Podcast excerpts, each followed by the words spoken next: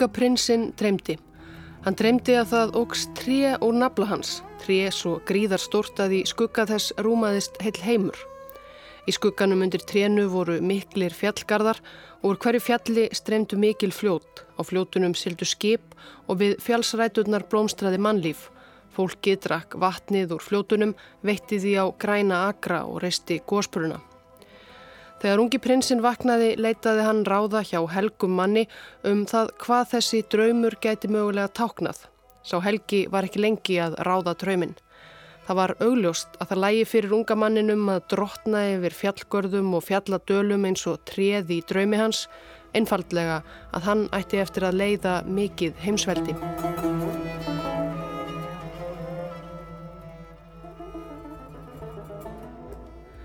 Ungi prinsinn sem dreymdi svo var kallaður Ósmann og ólst upp á sléttum Anatóliu á 13. öld. Reyndar dreymdi hann öruglega ekki þennan draumi í raun og veru því eldstu frásagnir af þessum draumförum eru frá því meira en einni og hálfri öld eftir dauða hans. En þá hefur einhverjum sagnariturum fundist nöðsynlegt að dykta upp að Osman hefði dreymt slíkan draum því veldi unga prinsins sem á fyrstu árumanns við völd hafi verið ansi ómerkilegt og hann sjálfur ekkert sérstaklega líklegur til stóræðana var orðið að miklu heimsveldi. Svo mjög að mönnum hefur fundist þurfa eitthvað yfirnáttúrulegt, einhvers konar sköpunarsögu og guðulegar tilvísanir til að útskýra hinn ótrúlega framgang veldisins og renna undir það enn styrkari stóðum. Osman héttan stundum einnig kallaður Othman eða Ótman og veldið sem eftir honum heitir hitt tyrkneska Ottomanveldi.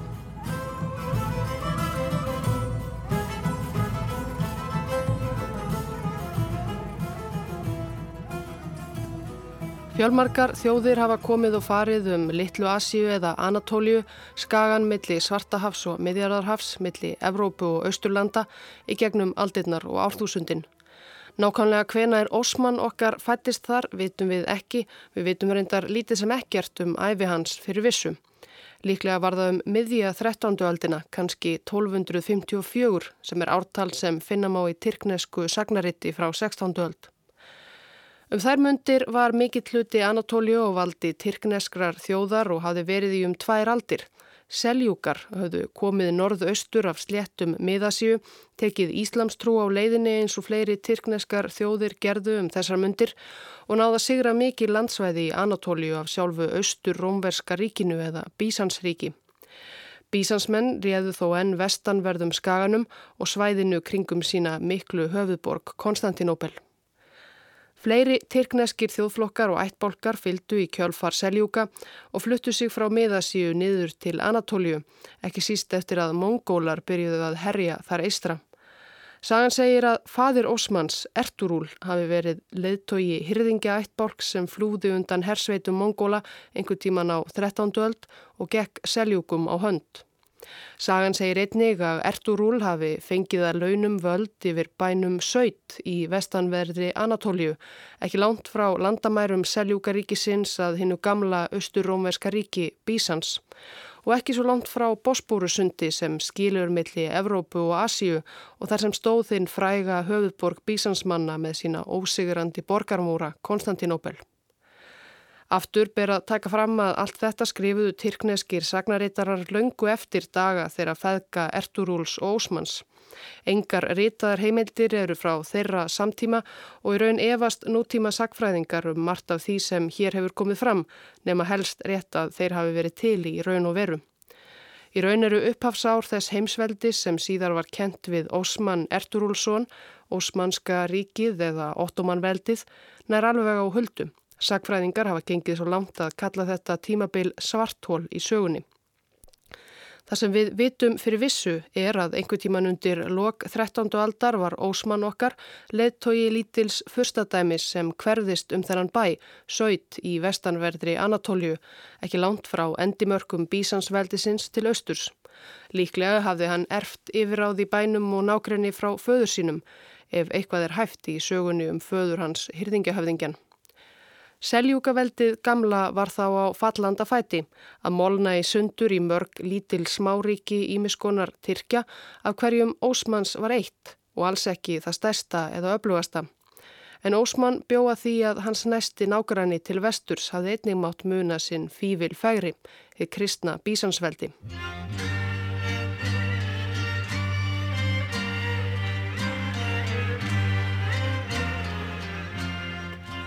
Stríðsmenn Ósmanns, höfðingja í bænum Söyd, byrjuðu að stunda snarpar árásjar og ránsferðir inn á landsvæði bísansmanna þarna í nágrenninu í vestur í arðri Anatóliu skagans, réðust á saglösa bændur og smáþorp í fyrstu en þegar vel gekk fóru þeir alltaf lengra og lengra inn á bísansta land. Fyrsta samtíma heimild sem vitað er um þar sem Ósmann kemur við sögu er frá því um 1300. Bísanskur sagnarittari skrifaði þá að bísanskur herr hefði mætt sveitundir stjórn manns að nafni Ósmann við Bafeus sem þá hétt, ekki langt frá austurströnd Marmarahafsins. Menn Ósmanns voru þá bísansmönnum ansi kvimleiðir. Herrferðir þeirra um sveitirnar hafðu raskað uppskýru bænda þar svo mjög að hungursneið ógnaði Nikometju, helstu Hafnaborg, bísansmanna og Marmarahafi. Til að hveða þessa óþólandi Tyrki í Kútin sendi Bísans keisari Andróníkus Annar 2000 manna herlið frá Konstantinópel yfir Bosporusundið, borgurum í Nikometju til Bjarkar. Einhverjir frumstæðir hyrðingar nýkomnir af sléttunni er þið ekki mikið mál fyrir hinn mikla bísanska herr, hugsaði keisarin kannski.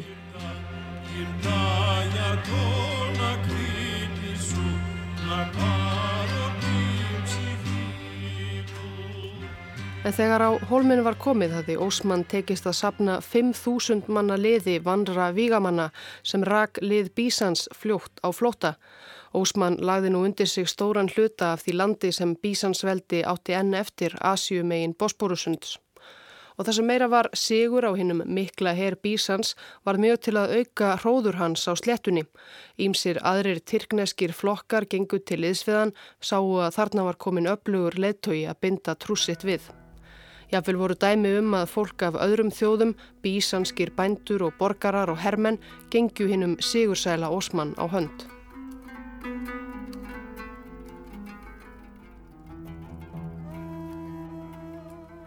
Setni tíma sakfræðingum hefur einst erfitt að greina það nákvæmlega hvers vegna Ósmann og afkomendur hans sem síðar komu náðu svo miklum árangri, hvernig þeir gáttu ógnað bísansríki og byggt upp stórveldi úr svo að segja engu á frekar skömmum tíma.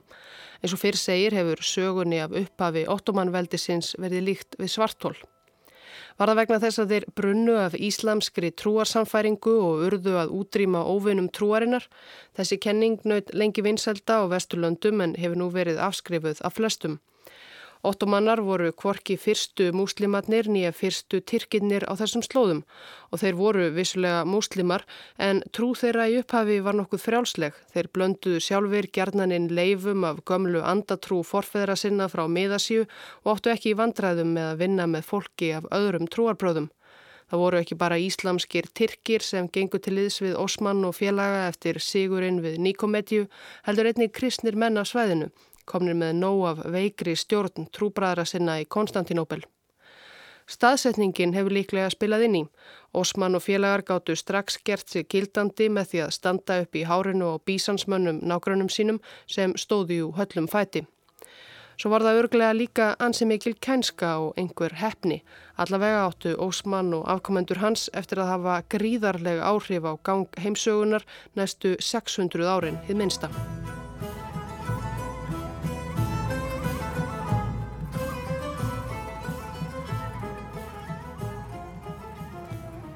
Ósmann, maðurinn sem við vitum nær ekkert um með vissu, ljast líklega um 1323 þá nærri 70 ef það er satt að hann hafi fæðist um 1254.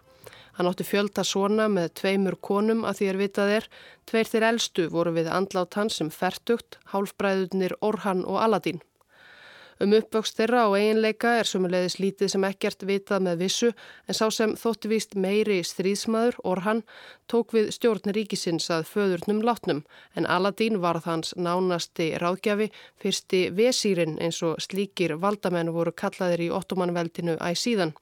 En bróðurleg samvinna af þessu tægi er því síðar afar sjálfgæf í valdasölum ottomanveldisins.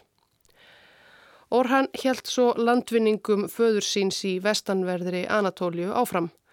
Fyrir dauða Ósmanns um 1317 höfðu ottomannar hans byrjað að sitja um aðra af helstu borgum bísansmanna á skaganum, Búrsa. En Tyrkirnir, hyrðingjarnir, voru þá óvanir slíkum setuhernaði og ítlabúnir svo umsátrið gekk brösulega og það tegðist úr því. Það var ekki fyrir en nærri áratug síðar, 1326, sem borgin fjallóks í hendur ottomana. Þá spilaði reyndar líka í nýjað hyrðin í Konstantinopel og aði í íldeilum milli Bísans keisarans Androníkusar annars og svonasonar hans sem gerði tilkall til krúnunar sem Androníkus þriðji. Og kvorugur Androníkusinn hafði mikinn tíma til að hugað afdrifum einhverja borga og bæja í austur í aðri keisaraveldisinn sem Tyrkir sátu um. Stöðugar deilur valdamanna í Konstantinopel urðu ekki til að styrkja stöðu þeirra gegn tyrknesku ógninni úr austri.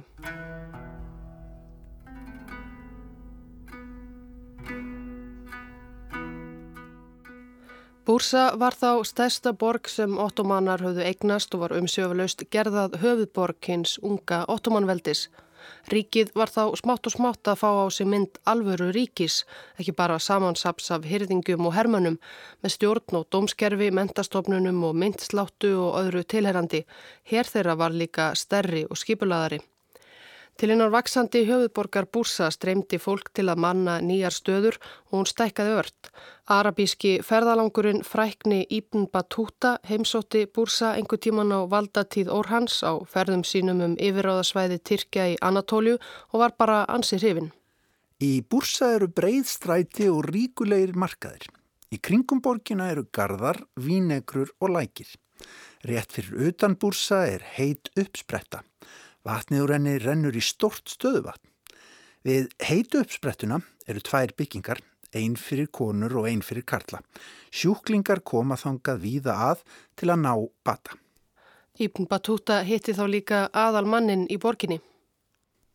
Sá sem ræður í búrsa er Orhan, sonur Osmans. Sá soldán er mestur terkneskra valdamanna þegar kemur að landsvæði her og eignum. Hann ræður yfir um hundrað virkjum Hann ver öllum tíma sínum í að ferðast millir þessara virkja, hann gistir í nokkur tíma í hverju og reynir að skilja ástandi þar og þarfir. Ég frétti að Orhan sé aldrei lengur en mánuð á hverjum stað. Hann er í sífældu stríði við þá vantrúðu. Þegar ég var í búrsa hitti ég þessa sönnu hetju og fekk frá honum margar gafir. Hverja svo sem stjórnunar aðferðir hans voru nákvæmlega er ljóstað Orhan hjælt landvinningum áfram á kostnað bísansmanna. Um miðja 14. öld hafði Orhan sigrað tvær helstu borgirnar sem bísansmenn áttu eftir í Anatólju, Níkeu og Níkomedju og þar menna er allt landsvæði bísansmanna austan Bosporusundsins og þar að auki hafði hann breytt veldi sitt út til austurs með því að leggja undir sig lönd annara tyrkneskra hyrðingja þjóða á Anatólju skaganum einnig. Orhan var þá orðin svo aðsópsmikill að hann gætt farið að skipta sér af málum bísansmanna sem voru nokkur nögin öll komin í ruggl. Í skiptum fyrir stuðning í enninu valdatablinu við bísönsku hyrðina gaf prinsinn Orhan hönd dóttur sinnar. Þegar prinsinn varð svo síðar Jóhannes sjötti bísanskeisari með stuðningi Orhans, launaði keisarin honum með því að leifa herr ottomanna að koma sér fyrir á litlum skaga vestan megin Hellusunds, þar sem heitir Gallipoli. Það var ekki lítill greiði þar sem ottomannar voru þar með komnir með fótfestu í vestri í Evrópu og Orhan og menn hans verðast vissulega hafa verið komnir með augastað á. Þar væru hinn raunverulegu tækifæri að finna.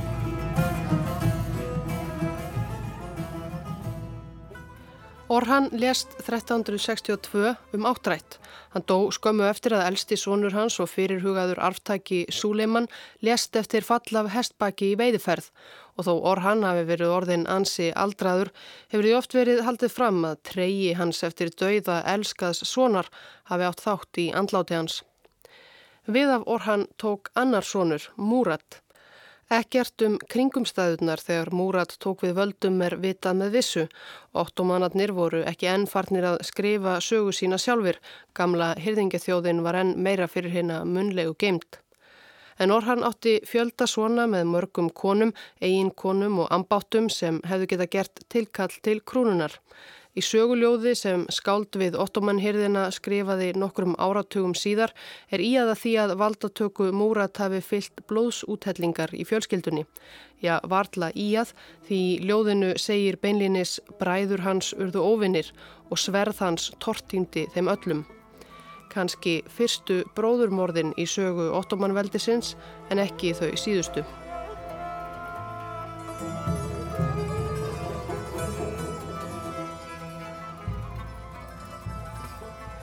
Hvað svo sem átti sér stað eftir dauða Orhans tók sónur hans Múrat til við frekari landvinninga. Í gegnum herstæðið í Gallipoli voru ottomannar nú komnir með fótfestu í Evrópu. Þeir hafðu ekki sigrað Konstantinopel á mörgum östurs og vesturs með sína miklu borgarmúra en einfallega farið framhjá henni. Eitt fyrsta verk Múrats bara örfa um árum eftir hann tók við völdum ef einhverjum var að sigra næst stæstu borgina sem bísansmenn áttu eftir utan höfuborgarinnar, Adrianopel í Þrakju, suð austanverðum Balkanskaganum.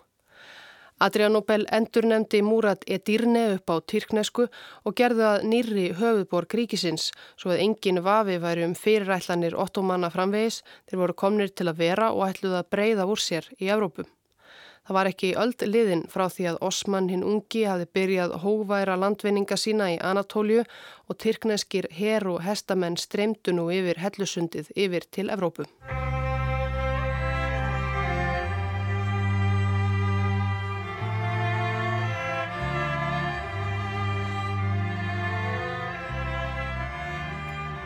Það var ekki bara sótt að Bísansríki úr austri af Tyrkjum. Umkörfið í fjöllum og fjalladölum Balkanskagans hafði breyst talsvert á þeim öldum síðan svæðið hafði verið undir Rómaveldi. Nýjar þjóðir hafðu komið sér þar fyrir og farið með tímanum að gera sig sífælt meira gildandi eftir því sem veldi Konstantinópel varð veikara.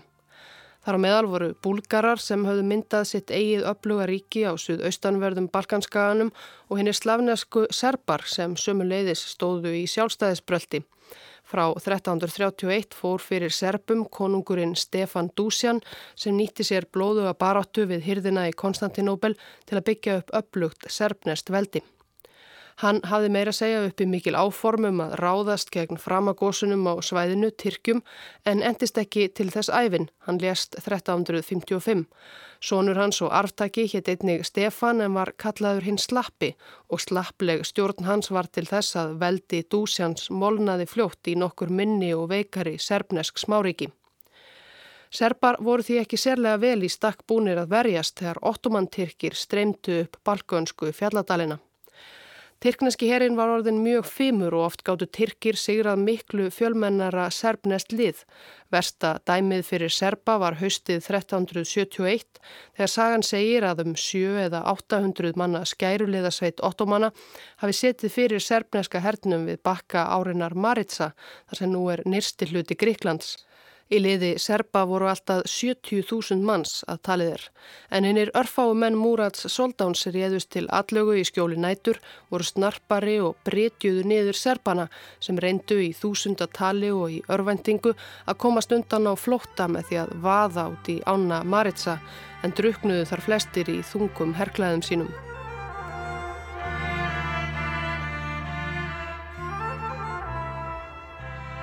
Eftir blóðbæðið við Bakka Maritsa fengu serbar í nokkur ár frið fyrir Tyrkjum að mestu. Múrat Soldán hafði að öðru að higgja, hann stóð enni í einhverjum landvinningum austur í Anatóliu líka og árið 1373 komu frekar vandraðalett mál þegar yngsti sonur hans, Savtsi Beija nafni og Andronikus sonur Jóhannessar V þáverandi bísanskeisara tóku höndum saman og gerðu saman uppreist gegn fæðrum sínum. Jóhannes V hafði þá nýlega gengist hinnum uppluga Soldán á hönd eftir mörg ára af eintómi bastli við stjórn bísansríkis sem var ekki ekki bara að hverfa í greipar Tyrkja heldur skuldsett og illa farið af ymbirði steilum valdamanna. En feður þeirra Savtís og Androníkusar tóku þessu uppáttæki svona sinna illa og hváðu uppreist þeirra snarlega niður, hvora á sínum stað. Múrat af öllum meiri hörku þó. Hann let blinda són sinn Savtí og taka hann svo af lífi og krafðist þess við Jóhannes V að hann leti Androníkus són sinn sæta sömu meðferð sem og uppöföslu saman són hans, sonar són keisarhans sem einnig hétt Jóhannes. En Bísanskeisari treysti sér einungis til að láta blinda svonsinn og svonarsvon á öðru auga og neppa þó svo í fangelsi. Kanski hefur hann síðan séð eftir því þegar hinn einegði Androníkus slapp síðar úr fangelsi og rændi föður sinn völdum en það er hannur saga.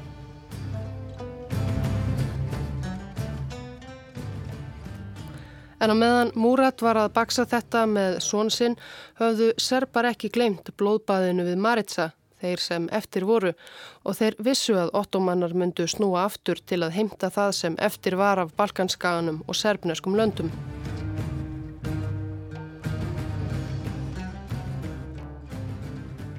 Og viti menn, á nýjunda áratug 14. aldar fóru tyrkneskar hersveitir aftur að mjaka sér lengra upp fjallaskörðin og dalina á Balkanskaga og lögðu við það bæði serba og búlgara.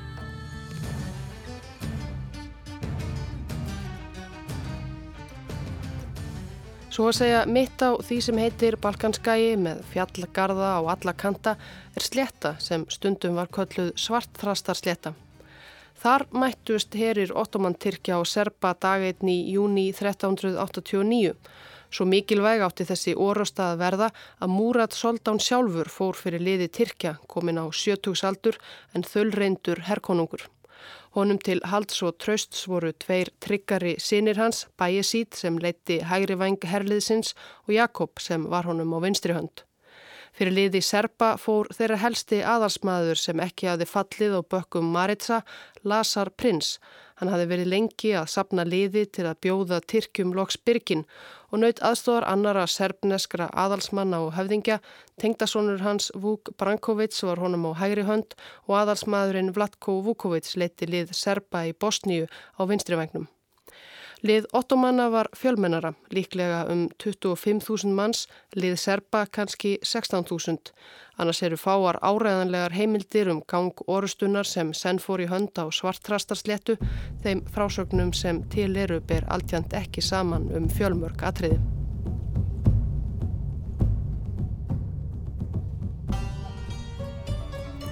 En þennan sumardag, líklega 15. júni 1389, var blásið til orustu og hestar rittaranna þustu af stað og bómenn letu örfum sínum rigna. Sem fyrr segir vitum við ekki mikið um gang orustunar nema að Tyrkir voru sterkari og einhverjum tímapunkti virðist serpum hafa verið farið að ganga mjög illa eða verð því mannfall virðist hafa verið sérlega mikið á báða búa. Það var bæði serbnest og tyrknest blóð sem seittlaði ofan í jarðvegin á svartrastarsléttum. Einn sagan segir að einn af liðsforingjum serba, tengdasónur Lasars prins Vúk Brankovits, hafi loks séð í hendi sér að orustan væri töpuð og eina vitið væri að hörfa með hersveitir sínar svo að einhverjir mættu lifa. En í gömlum serbneskum hetjukvæðum og orustan við svartrastarsléttu hefur orðið fjölmörgum serbneskum skáldum yrkisefni í gegnum aldinnar Þar er það gerðnan haft þannig að Vúk Brankovic hafi svikið Lazar prins tengdaföður sinn, flúið fyrirvara laust og skilið prinsinn og menn hans eftir til að deyja drotni sínum á vígvellinum. Vúk er enn í dag annálaður svikari í serbneskri sagnahefð, þó reyndar hafi hann í raun reyndað halda áfram að berjast gegn ottomannum eftir þetta, svo lengi sem það gekk. Það var þó ekki lengi. Sagan segir einnig að þegar orustan var svo gott sem töpuð eða kannski alveg töpuð fyrir serpa hafi einn rittara þeirra kastað frá sér sverði sínu, hlaupið að herbúðum Tyrkja og tilkynnt að hann gæfist upp. Rittarinn var þá leitturinn í tjald soldánsins þar sem Múrat satt og réð ráðum sínum um gang orustunar. Veitaskuld var leitað á rittarannum áður en hann stegin í tjaldið en lífvörðum soldáns yfirsást að sá serbneski var með lítinn nýf falinn innan klæða og þegar hann var komin inn í tjaldið stökk hann á soldánin og risti hann á kviðin með kutanum svo að soldánin lést næri samstundis.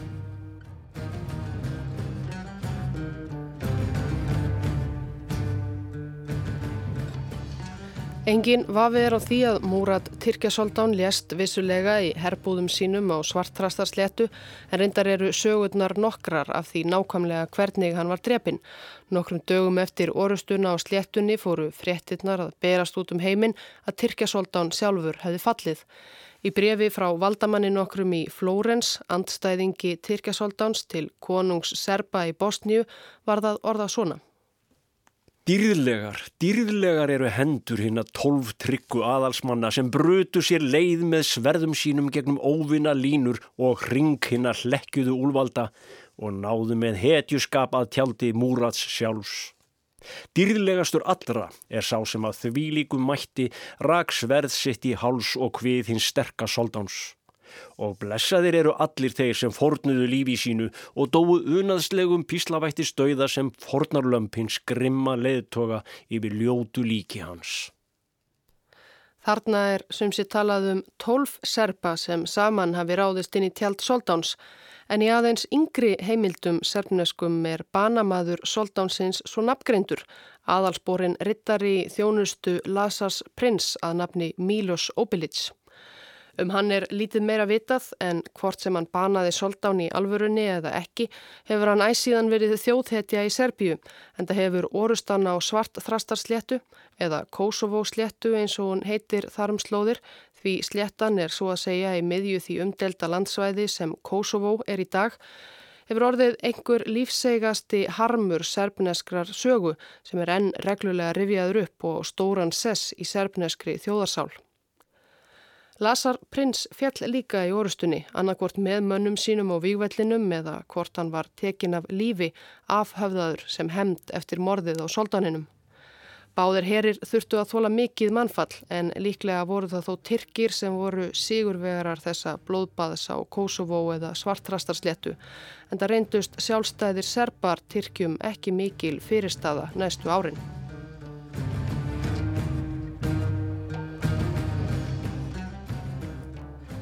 Það er annars helst af stjórnskipuninni í Tyrkjaveldi að segja að af tveimur sónum Múrats Soldán sem tóku þátt í orustunni í Kosovo var það bæjasít sem fyrstur frétti af morðinu á föður þeirra. Hann greip tækifærið og bóðaði hinn sónin, Jakob bróður sinn, á sinn fund til snarasta án þess að segja honum tilefnið.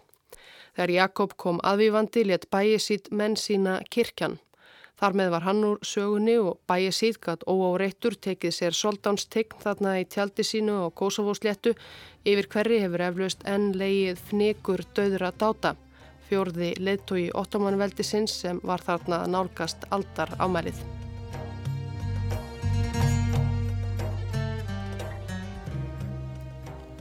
Til að einsikla ósigur serpa og framtíðar undirgefni serbnösku þjóðarinnar við Tyrki tók bæjasít sér svo dóttur Lazars hins fallna serbaprins sem eiginkonum. Hann átti vitaskuld nokkrar fyrir. En sonur Lazars, Stefan Lazarevic, fekk þann heiður að verða leppkonungur Tyrkja í henni Sigurðuðu Serbíu.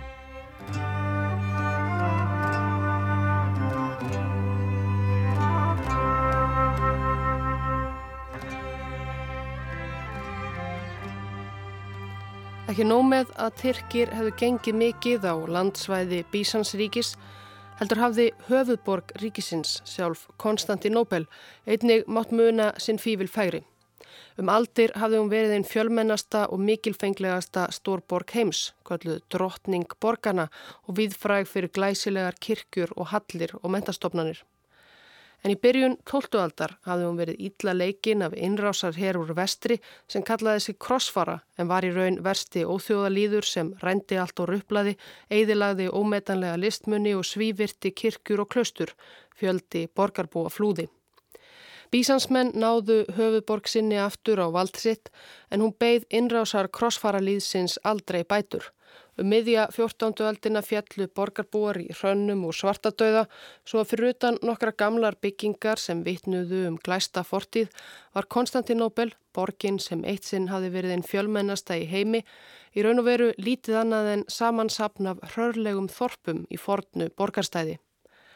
Borgarstæði sem þó var umkringt einhverjum íllvígustu borgarmórum sögunar. Fyrir utan innrás krossfaralýðsins hafi Konstantinopel staðið af sér nær allar tilraunir til innrása og umsáturs í margar aldir, ekki síst þöggs ég múrunum miklu. Það var þess vegna sem ottoman Tyrkir hafðu í byrjun landvinningaferil síns í raun farið fram hjá Konstantinopel en lagt undir sig flestar aðrar bísanskar borgir. En svo var svo komið að það var einlega lítið eftir af landsvæði bísanskeisara annað en borgin og eitthvað smá svæði utan hennar. og nokkrum árum fyrir orustuna á Kosovo sléttu hafði Múrat Soldán skipað hermönum sínum að koma sér fyrir utan Múra Konstantinópel í vonum að geta knésett borgarbúa að lokum.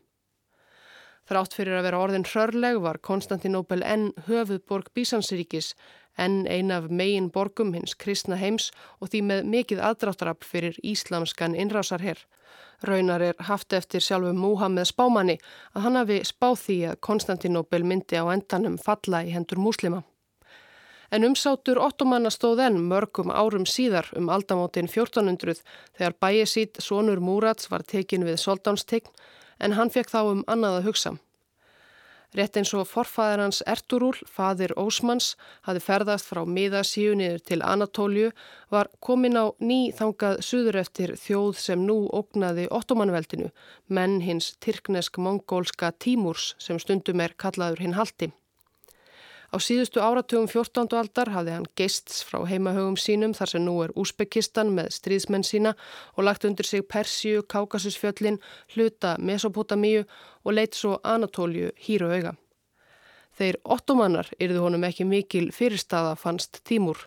Raunar var Tímúr og bæjisít Tyrkjasoldán mjög í nöp hvorfið annan ef markam á brefaskriftir þeirra sem unna hafa varðveist í rítum persnesks sagnarittara.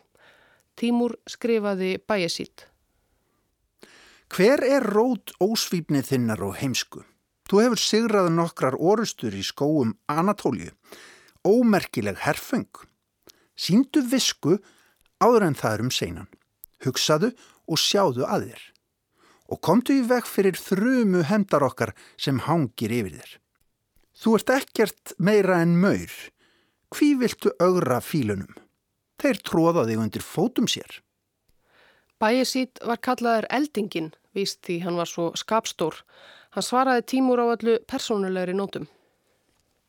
Hermenn þínir eru óteljandi, þá það. En hvað eru örvar tatara gegn bjúksverðum og stríðsöksum minna tröstu, ósigrandi stríðsmanna? Skildi ég flýja herðinn, megi þá eiginkonur mína skilja við mig þrísvar. En hafir þú ekki hugrekki til að mæta mér á výgvellinum?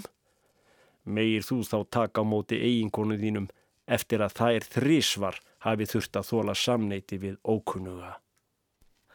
En Tímur þorði vissulega að mæta eldingunni bæjasít á výgvellinum. Það var 20. júli 1402 á sléttu fyrir utan borginna sem nú heitir Ankara á miðjum Anatóliu skaga. Bæjisít leiti lið ottomanna á samt síni sínum Suleiman og serbanum Stefan Lasarevits sem var sonur Lasars prins sem hafi fallið í Kosovo 13 árum fyrr og verið lepp konungur ottomanna í Serbíu síðan. Lið Tyrkja var 80.000 manns en menn Tímúrs voru næri helmingi fleiri og þar að auki með 30 stríðsfíla eins og Tímúr hafi í að að í brefaskriftum sínum við bæjisít. Skemst er frá því að segja að Tyrkir byðu ósigur og sjálfur soldánin bæjisít var tekin höndum af mönnum tímúrs þegar hann reyndi að flýja til fjalla. Eginkonur hans þurftu ekki að skilja við hann þrísvar eins og hann hafi heitið því hann lést í haldi tímúrs tæpu ári síðar. Tvennum sögum fer af því hvers konar meðferð soldánin sætti í haldi, samkvæmt tyrkneskum heimildum var ítla meðan farið, en samkvæmt sagnaritur um Tímúrs fekk bæið sít soldánska sérmeðferð og Tímúr sjálfur gretan að honum látnum. En við dauða soldánsins 1403 var þegar skollin á allsherjar ringulreið við hirðhans heima í Edirne, höfuborg Ottomanveldisins, þar sem fimm sinir hans sóttust eftir því að sölsa undir sig völd í ríkinu og auðvitað koma í leiðinni bræðrum sínum fyrir Katarnef eins og fjölskyldu hefðin var. Bræðurnir börðust í 11 ár, dróðu ófáa sagleysingjain í átöksín og um tíma var jáfnvel útlitt fyrir að ottomanveldið sem þá var orðið ansi stort myndi klopna í sundur. Þar til fjörði sonurinn Mehmet stóðloks árið 1413 uppi sem Sigurvegari og Soldán og svo eini þeirra bræðra sem eftir livði.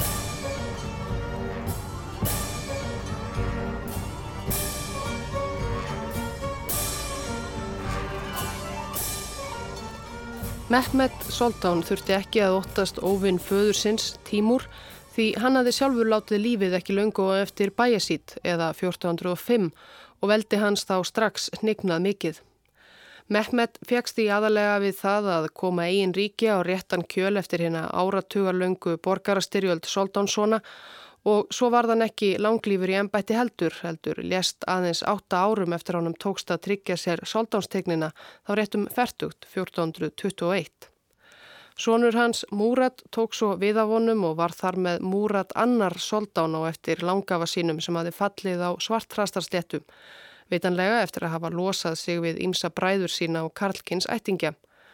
Og líkt og langafi syndi Múrat annar aðalega landvinningum á Balkanskaga, herjaði á Serba, Búlgara, Ungverja, Albani, Grikki og aðrar þjóðir þar. Múrat Annar fekk slag og lést 1451 langt fyrir aldur fram, 45 ára eða svo, en gatt þó vel verið ánaður með lífsverk sitt. Ottomanveldið, 150 ára gamalt, spannaði nú mestallan Anatóliu skagan til austurs og til vesturs tegði það sig langt upp Balkanskaga. Tyrkjaveldi var orðið stórveldi bæði í Asíu og Evrópu. En það var reyndar eitt sem vantaði upp á.